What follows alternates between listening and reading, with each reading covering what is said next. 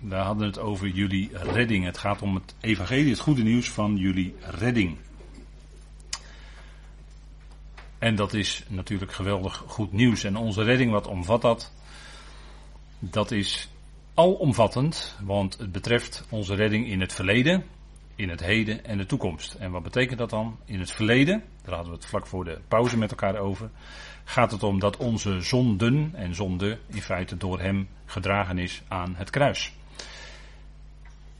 Dat is de redding als het gaat hè, om het verleden, gerechtvaardigd, om niet, heb ik het even heel kort mee samengevat, want het houdt in Romeinen natuurlijk nog veel meer in. Gerechtvaardigd om niet.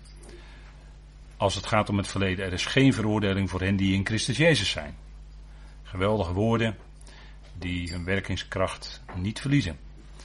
En in het heden, onze praktische redding, is redding van de zonden nu in ons dagelijks leven. Dat is natuurlijk ook een punt, en dat is de doorwerking van het kruis, om het zo maar te zeggen. Dat we rekenen tezamen met Christus gekruisigd te zijn, met hem gekruisigd en als zodanig dood zijn voor de zonde. Dat is onze redding nu. Als je dat erkent in je dagelijks leven, in de praktijk, dat je dood bent, hè, zoals eh, Christus dat zelf ook is, zegt Romeinen 6, zoals hij dood is voor de zonde en nu leeft voor God, zo ook wij. Daarmee rekenen. Dat is niet direct allereerst ons gevoel, maar dat is iets wat we, waar we geestelijk gezien mee rekenen. En dan word je praktisch, in praktische zin gered in je dagelijks leven. Van de zonde waar je vroeger, laat ik het zo maar zeggen, intrapte, maar nu niet meer. En dat is, dat is natuurlijk een verschil, hè. De geest werkt in ons, Romeinen 8, daar zijn we een paar hoofdstukken verder. De geest werkt in ons, de wetmatigheid van de geest van het leven in Christus.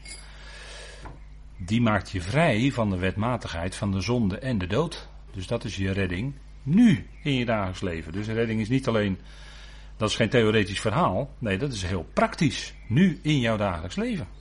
Dat je kunt zeggen in Gods kracht, dat is de werking van de geest in je, dat je kunt zeggen nee tegen de zonde. En vroeger kon je niet anders, de zonde klopt aan de deur bij wijze van spreken, hè, vanuit je vlees. En je kon er niet anders dan eraan toegeven. En nu kun je wel nee zeggen. Kun je zeggen nee, daar ben ik dood voor. En dan wijkt het. Dan ga je er niet op in. Dat is je redding nu, praktisch in het dagelijks leven van de zonde. En zo leefde velen voor ons en Paulus leefde dat voor als voorbeeld. En Paulus zegt ook in bijvoorbeeld in Titus 3, en er zijn natuurlijk genoeg andere voorbeelden, dat ook wij waren vroeger enzovoort. Hè. Laten we even met elkaar lezen. Zoals Paulus vroeger en nu. En dan komt de werking van de geest, want dat is natuurlijk heel belangrijk. De werking van de geest. En dat is ook niet iets ongrijpbaars. Nee, dat werkt zich dan heel praktisch uit. Titus 3.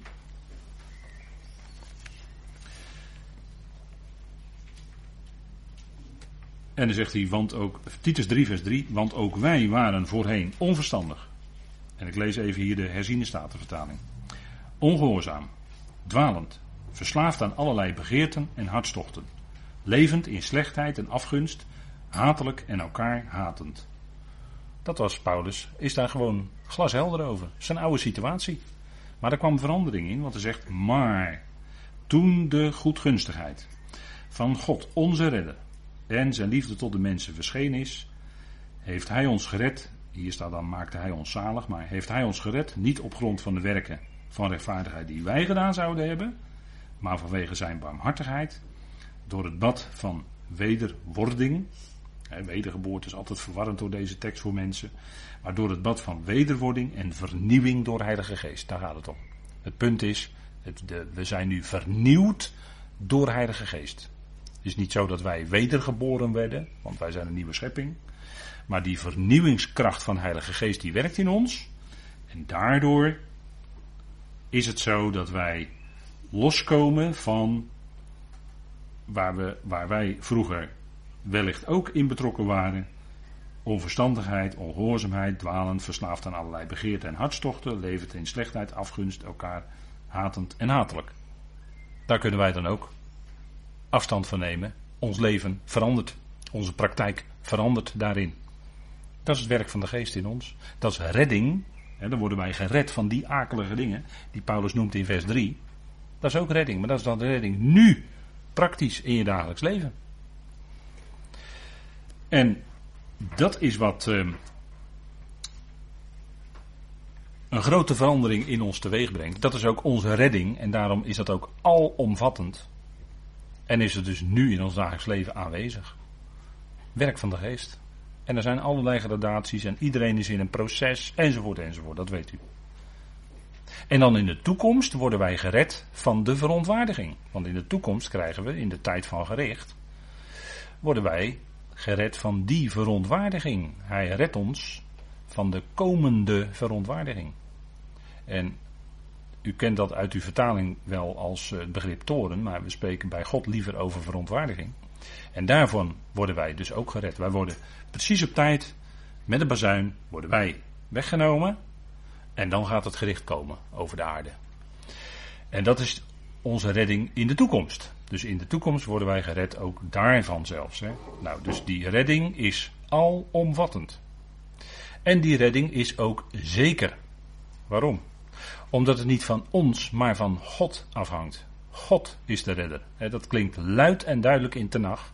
God is redder. En dat werd ten volle en met de volle liefde van God werd dat onthuld toen hij zijn geliefde zoon gaf op Golgotha. Daarin werd die liefde van God ook bekend. Zijn reddende liefde. En waar we ook in Titus over lezen, de goedgunstigheid, dat is het prachtige Hebreeuwse begrip geset. dat betekent goedgunstigheid en daar zit zoveel in, ze heeft zoveel kanten. Maar de goedgunstigheid van God hè, voor de mensen, de mensenliefde van God, kwam toen Hij kwam, Christus Jezus. Dus in de toekomst ook gered, geen verontwaardiging. Wij zijn niet gesteld tot verontwaardiging. Maar we zijn gesteld voor redding, zegt Paulus in 1 Thessalonicense 5. Door wie? Door onze Heer Jezus Christus. En dat is natuurlijk geweldig, hè? dat is redding. En dat is een heerlijk, en dat is een groot thema in de schrift natuurlijk, een heel groot thema.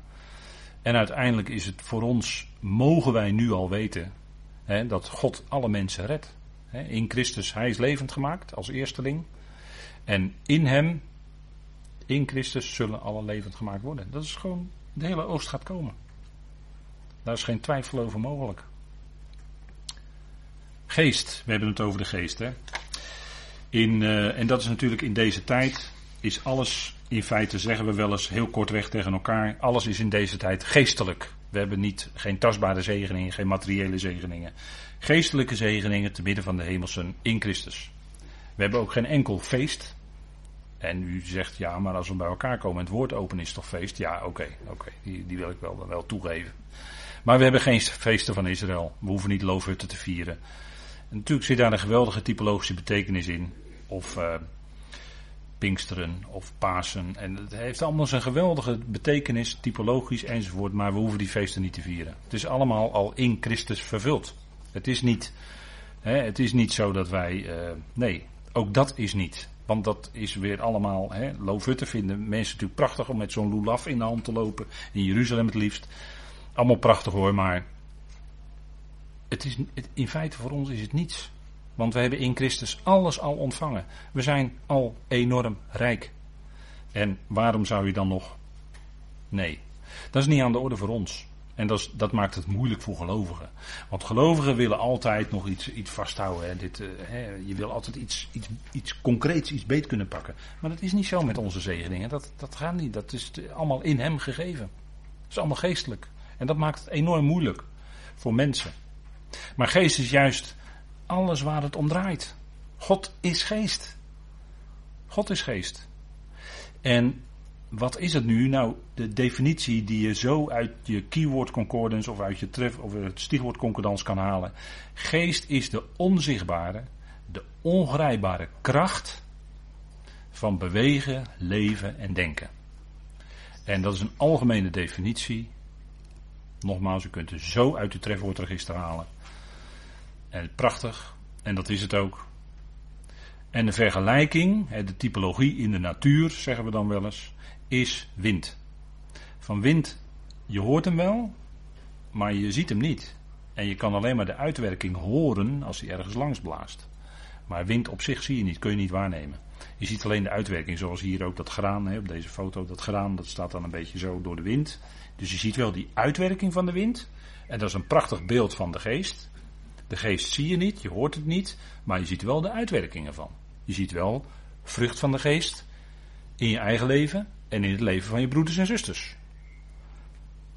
Het is dus goddelijke kracht, of de kracht van God, die zich in zijn onzichtbare, of die, uit, die zich uit zijn onzichtbare en ongrijpbare daden bewijst. Toen, het, toen de schepping nedergeworpen was, toen was daar geest die trilde op de wateren. En toen zei God daar zijn licht en door zijn geest bewerkte hij toen licht. Door die trilling maakte hij ook daadwerkelijk fysiek licht in de schepping. Dat is de uitwerking van geest. En de uitwerking van Heilige Geest in ons leven is, wat ik net al noemde, een vrucht. Is die, is die vrucht hè, van de later. Liefde, dat is de eerste wat genoemd wordt. En daarin kun je eigenlijk de rest wat volgt ook onderscharen. Maar Paulus werkt er dan nog uit in acht volgende begrippen. Maar dat is één vrucht met allemaal facetten. Dat is die uitwerking van geest in ons leven. En daarin kun je het zien.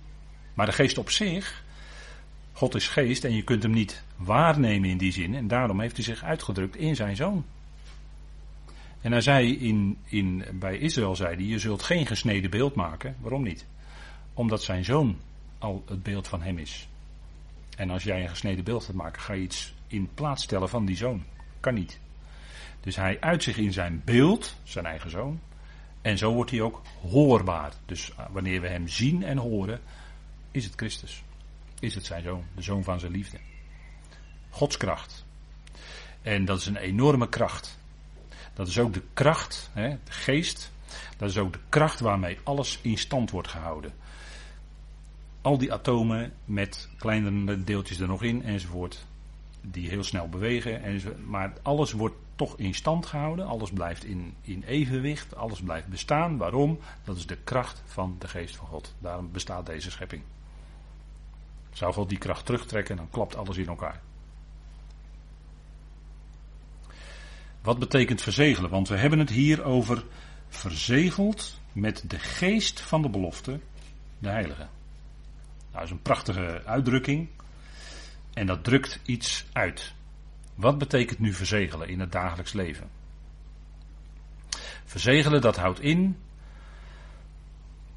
Als je een contract sluit, hè, dat gebeurt dan bij de notaris, daar wordt dan zo'n lakzegel onder gestempeld, om het zo maar te zeggen. Om een contract te ondertekenen als aanduiding van autoriteit, titel en eigendom. vooral dat eigendom is dan bij de notaris nog wel eens belangrijk. Als je bijvoorbeeld een huis koopt, dan moet je naar de notaris en dan wordt er een akte opgemaakt en dan komt daar een, uh, al dan niet een, een, eh, zo'n rood zegel, uh, lakzegel onder. Hè. Dus om contract te ondertekenen als aanleiding autoriteit, titel, eigendom. Dat is een eerste betekenis in dagelijks leven.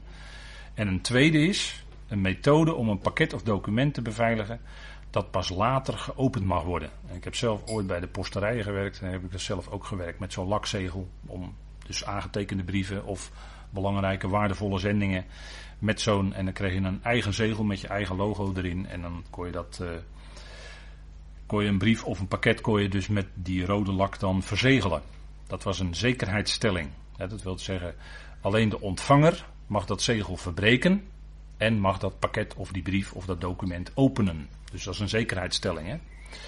Dat is ook verzegelen in het dagelijks leven. En uh, die zekerheid, dat, dat is uit het mooie van verzegelen. Uh, hè, zowel het ene aspect eigendom en autoriteit als die zekerheid, dat is prachtig. Dat, daarvoor is natuurlijk het woord verzegelen een prachtig woord, wat Paulus hier gebruikt. Door uh, God geïnspireerd natuurlijk. En als we dan gaan kijken in de schrift, wie of wat is verzegeld. Want het is natuurlijk prachtig dat wij verzegeld zijn met die Heilige Geest, maar is daar nou, zijn er nou nog meer in de schrift? En dat blijkt, ja, de zoon des mensen. Laten we maar even met elkaar lezen, die is ook verzegeld. Had u misschien niet verwacht, maar dat is toch wel zo. Johannes 6 staat dat, vers 27.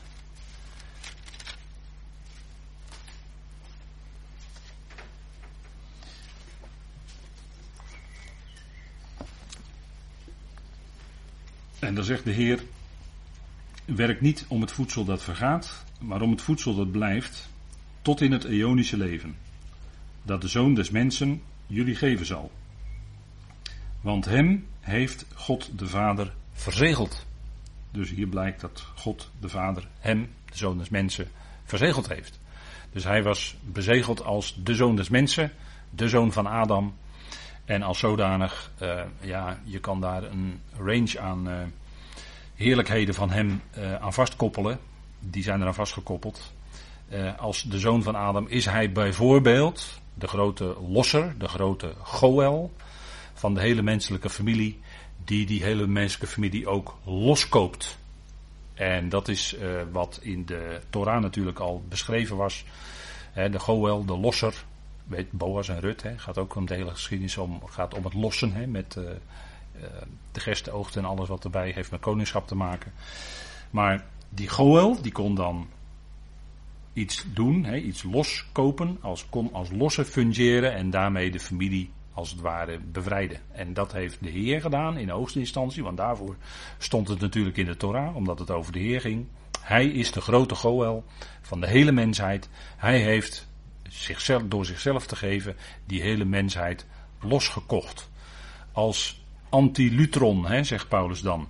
Als overeenkomstig losgeld, zegt Paulus in 2 Timotheus. Of in 1 Timotheus, sorry, 1 Timotheus 2. Hij is het overeenkomstige losgeld wat betaald is voor allen. Daarmee zijn allen losgekost. En, en fungeerde hij als de grote Goel, dus als de zoon van Adam, die de hele menselijke familie los heeft gekocht. En daarmee is los wil wel zeggen bevrijd. Dus dat houdt bevrijding in. En dat is natuurlijk geweldig. Hij is verzegeld door vader.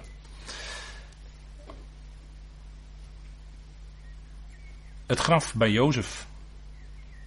Zij verzegelden zijn graf, want stel je voor, stel je voor. Dan wordt er kwaadsprekend van hem gezegd, dan wordt er lasterlijk van hem gezegd. Dan wordt hij daar bespottend de verleider genoemd. Maar dat was natuurlijk precies andersom. De tegenstander is de grote verleider. Maar ze bespotten hem door te zeggen dat hij, die verleider heeft bij zijn leven gezegd, werd er onderling gezegd, dus bij de Joden dat hij ten derde dagen zou opstaan. Nou weet je wat, wij zetten een wacht bij het graf, een Romeinse wacht, en wij verzegelen het graf. We hebben dubbele zekerheid dat hij er niet uit kan komen. En we weten wat er gebeurd is. Dat is natuurlijk alleen maar een extra. Hè, de Heer die keert dat natuurlijk prachtig om. Want die verbreekt dat zegel en die wacht die moet die maken dat ze wegkomen. Hè, die, die, die bibberen als kleine kindjes. Als daar die verschijning komt van die boodschapper, en dan wordt dat zegel natuurlijk verbroken, want hij werd opgewekt uit de doden en de steen werd weggerold. Als teken daarvan. Het zegel werd verbroken. Ja, hier wel. En dat is natuurlijk geweldig. Dus dat graf werd verzegeld. En was alleen maar een extra zekerheid als het ware dat we zeker weten, die steen is weggerold. Het graf is leeg. Hij is opgewekt. Heerlijkheid. Dus die werd ook verzegeld, dat graf. En zo zijn er nog wel meer voorbeelden wat te denken van 144.000 Israëlieten in openbaring 7. Wat denkt u ervan? 144.000 verzegelden. Nou, in openbaring 7 wordt bij elke stam wordt het woord verzegelen gebruikt hoor. 12 uit 12 stammen, 12.000 Israëlieten verzegeld aan hun voorhoofd. Ter onderscheiding van die anderen die het merkteken van het beest hebben, of van het beeld van het beest, aan hun voorhoofd of op hun rechterhand. En die tijd gaan we natuurlijk naartoe. Hè. Er worden alle voorbereidingen voor getroffen. Ook de voorbereidingen dat de antichrist of de wetteloze op het toneel gaat komen. Daar achter de, laat ik het zo maar zeggen, achter de schermen wordt daar heel hard aan gewerkt hoor. Vergist u zich niet hoor wat dat betreft. Daar wordt heel hard aan gewerkt. Dat die naar voren geschoven kan worden op het wereldtoneel. Maar dat is natuurlijk ook uiteindelijk op Gods tijd, hè, op Gods tijd. Als de weerhouder weg is, Pas dan zal men in staat zijn om vanuit die achtergrond, laat ik het zo maar zeggen, de, de machten op de achtergrond die werkelijk de touwtjes in handen hebben, zullen zij dan de wetteloze, de antichrist naar voren schuiven. En dan zal men verzegeld moeten worden, wil men kunnen kopen of verkopen. Verzegeld aan de voorhoofd of rechterhand. Zul je het embleem van het beest moeten hebben. Anders, zit je, anders uh, kun je niks. Dan moet je ja, misschien eigen groentetuin gaan maken of zo. Maar dat is uh, heel moeilijk denk ik in die tijd hoor. Want dan is alles controle, controle, controle. En wat dat betreft uh, wordt het, uh, ja, als u het vergelijkt met een groot net, dan wordt het in, in onze dagen ook nu wordt het steeds strakker aangetrokken. Hè? Dat, dat is gewoon een proces. Je ziet het gewoon gebeuren. En straks zit iedereen zit gewoon klem in dat net. En God schenkt ons dan genade dat wij al weg zijn. Dat is genade hoor. 144.000 verzegelden in de eindtijd. 12.000 uit elke stam. Geen twijfel mogelijk. Hè? Het zijn 144.000 Israëlitische mannen die dan verzegeld zijn. Dat is het volgens openbaring. Anders niet. En er zijn natuurlijk allerlei theorieën over de 144.000 binnen genootschappen en dergelijke. Ook in de afgelopen tijden. Ja, dat zal allemaal wel. Maar openbaring zegt, dat is het. Verzegeld met de geest van de belofte. Nou, u ziet hier die zevenvoudig verzegelde boekrol. Die wordt ook in openbaring genoemd. Hè. ziet u op het plaatje als een uh, afbeelding daarvan. Die, dan, uh, die zegels worden dan verbroken. En dan komen de gerichten enzovoort. Allerlei paarden en noem maar op. Maar wij zijn verzegeld. Hè, dat, dat heeft nu misschien iets meer inhoud voor u gekregen. Om dat weer even te horen. Wij zijn verzegeld met de geest van de belofte, de heilige. Dat is heel veel. Dat is een zekerheidsstelling vanuit God. Dat, dat beeld van verzegelen wordt natuurlijk niet voor niets gebruikt. Maar dat is een zekerheidstelling. Zo, zo is het zeker dat we van Hem zijn. We zijn onvervreemdbaar in Zijn hand. En dat blijkt ook dat het feitelijk is, want die drie woorden hier, die hier genoemd worden. Jullie horen, geloven en verzegeld. Al die drie woorden staan als feit hier. Hè? Die werkwoorden staan, die geven geen informatie over tijd. Maar het is een feit. Dat staat op de voorgrond hè, bij die werkwoorden. Hè, dat is de bepaalde Griekse vorm, weet u wel, dat is de aorist. Maar al die drie woorden staan in die vorm. Dat wil zeggen, het is een feit. Jullie horen, daarvoor hebben we tenslotte oren gekregen hè, van God. Om te horen naar dat woord van Hem. Om naar Hem te luisteren natuurlijk. Hè. Dat is het allereerste. Waarom heb je oren? Nou, dat is om naar God te luisteren. Dat is het eerste. Daarvoor heb je oren gekregen natuurlijk. Kan niet anders. En ogen om zijn woord tot ook te lezen. Geloven. Dat is ook iets wat God in je doet. En dat je oor geopend wordt, is ook een werk van de geest. Hè? heb je ook niet van jezelf. Dat je hart geopend wordt voor dat woord, dat is Gods werk. heb je ook niet zelf kunnen doen. Geloven is ook een geschenk van God. Het verzegelen is ook iets wat Hij doet. In hem ook zijn jullie, zegt Paulus, verzegeld met de geest van de belofte, de heilige. En wie heeft ons verzegeld? Dat is God. En dat is in Christus, want het begint ook met in hem ook. Hè? In Christus zijn we verzegeld. Dus dat is iets dat we ook van God ontvangen wat hij doet. Kijk, en die Galaten, die hadden ook die geest ontvangen. En Paulus spreekt hen daarop aan in Galaten 3. En dan zegt hij twee keer tegen die Galaten, die dus weggleden van de genade richting de wet enzovoort, hè, om het zo maar te zeggen. Twee keer zegt Paulus dan in een stukje, jullie die horen, hè, laten we maar even lezen met elkaar. Galaten 3.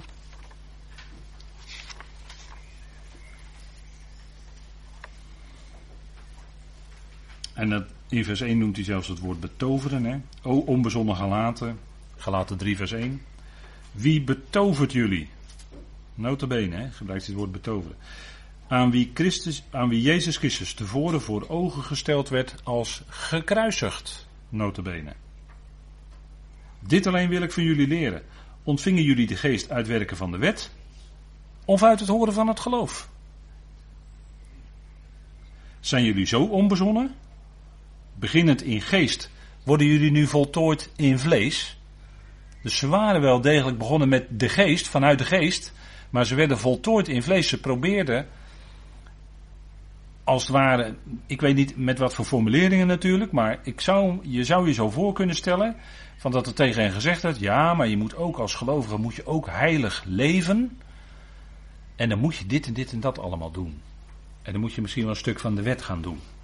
En weet je wat je dan aan het doen bent? Dan ben je begonnen met de geest, maar dan eindig je in wezen met het vlees.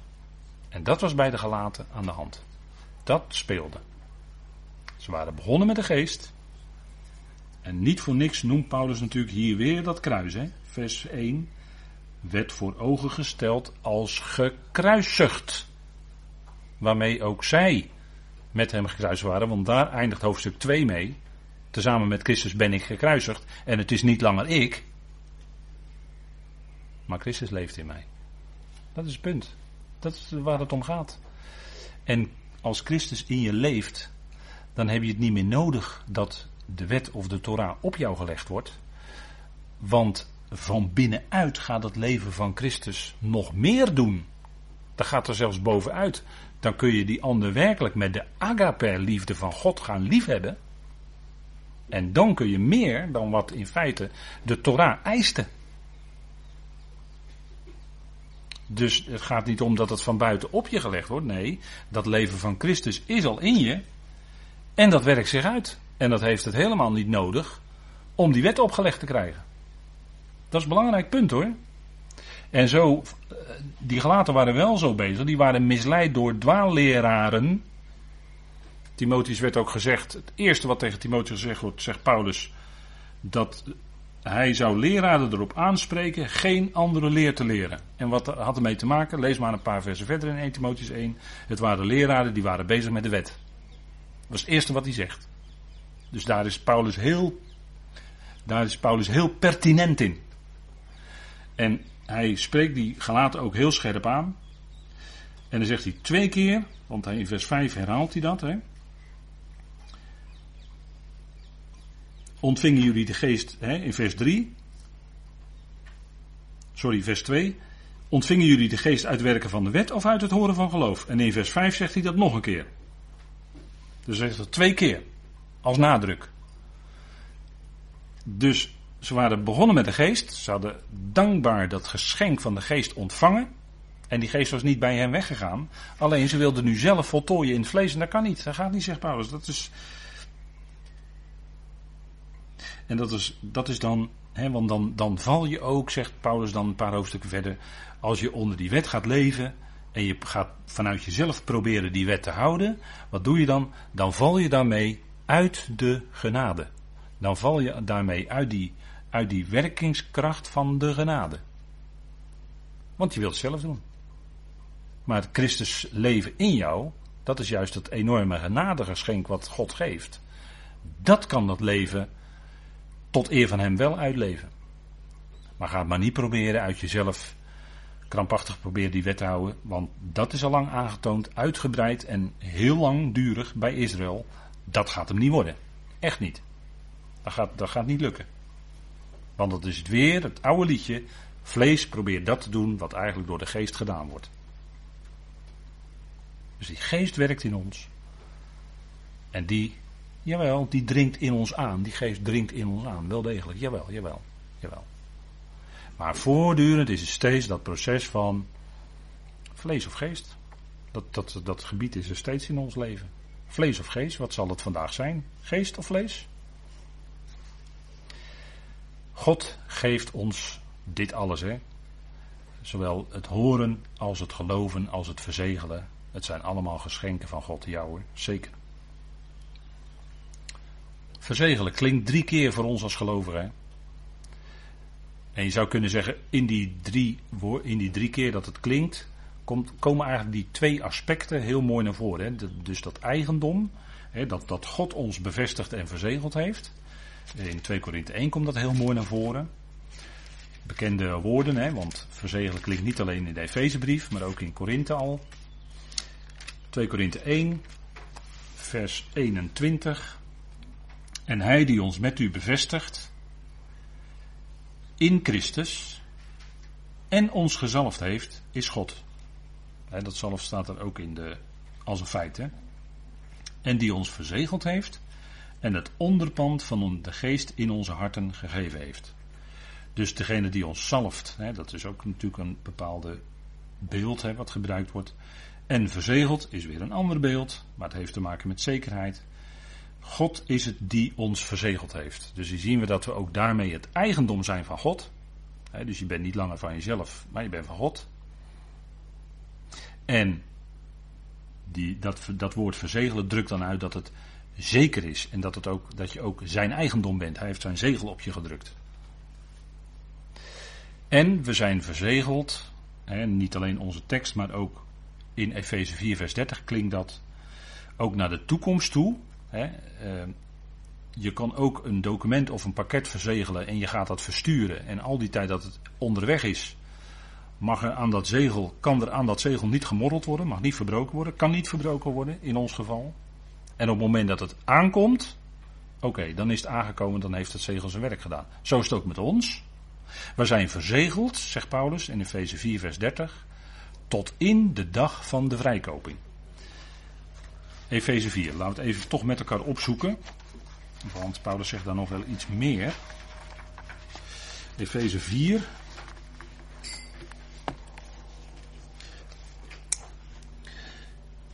En dan zegt hij: Bedroef de Heilige Geest van God niet, waarmee jullie zijn verzegeld tot, en letterlijk staat er dan, naar binnen de dag van vrijkoping. Dus die zegel is, de, die is een zekerheidsstelling dat wij op de dag van de vrijkoping ook daadwerkelijk daarbij zullen zijn en ook daadwerkelijk die vrijkoping aan den lijve zullen ervaren. Dus die vrijkoping zal ook ons deel zijn op die dag. Dat is de dag van de bazuin, hè? De bazuin van God. Dat is de dag van de vrijkoping. Dan worden wij ook lichamelijk, lijfelijk worden wij vrijgekocht. En dat geldt ook voor alle overledenen. Die zullen dan opgewekt worden en die zullen erbij zijn. Maar Paulus zegt hier ook, bedroef die Heilige Geest van God niet, want die, die, daar ben je mee verzegeld, die woont zelfs in je. God heeft zelfs door zijn geest woning in je gemaakt. Maar hij zegt, bedroef dat nou niet. Hoe kan je nou de Heilige Geest bedroeven? Hoe kan dat nou? Nou, context hè, context. Hoe kun je de Heilige Geest bedroeven? Nou, bijvoorbeeld vers 26 of vers 25. Spreekt daarom de valsheid afleggend. En als je nu als gelovige wel leugens spreekt, dan bedroef je de Heilige Geest. Ja, dan bedroef je de Heilige Geest. Daarom zegt Paulus hier, spreek daarom de valsheid afleggend, of de leugen afleggend, waarheid en ieder met zijn naaste. En als je de waarheid spreekt, onder elkaar, dan spreek je ook datgene wat conform de schriften is. Hè? Gelovigen zouden leidend voor de gelovigen, met EI, leidend voor de gelovigen, is de schrift natuurlijk in alles. Dat is de waarheid. En we kunnen niet daarmee um, een loopje nemen. Daar kun je geen loopje mee nemen. Omdat we leden zijn van elkaar. Toornen jullie? En zondigen niet, want in je toren, dat is heftige. Toren is natuurlijk bij een mens een hele heftige emotie. En je kan natuurlijk, als er een, een, een, conflict is onderling bij gelovigen, kan het natuurlijk heel heftig worden. De bekende hete hoofden en koude harten, weet u wel. Maar dan kunnen er ook woorden gesproken worden waarmee de Heilige Geest bedroeft. Niet alleen de Heilige Geest die werkt in jou, maar ook de Heilige Geest die werkt bij die ander. Want het werkt dan aan twee kanten bedroevend uit. En ook natuurlijk naar God toe.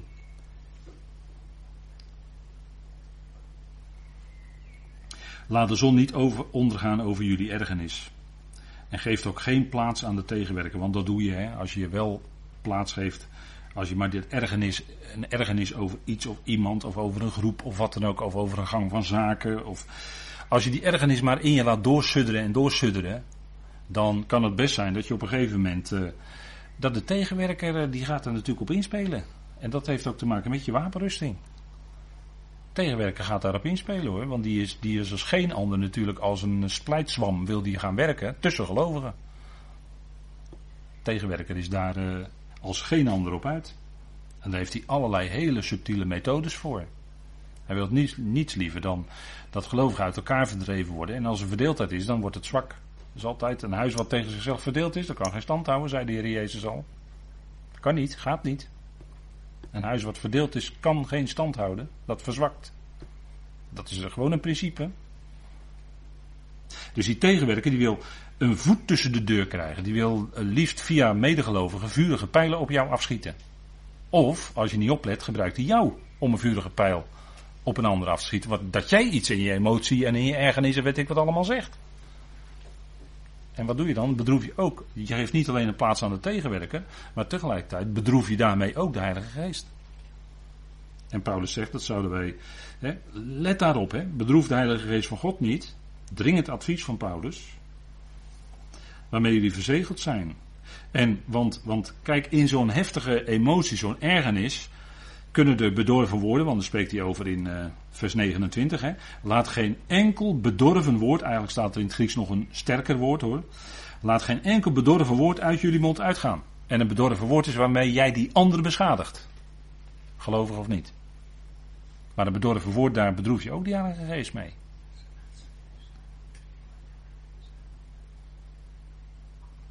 Maar spreekt indien er een goed woord is voor de benodigde opbouw opdat het genade geeft aan wie horen. En ziet u dat hier dan ook het werk van eh, een stukje vrucht van die geest blijkt?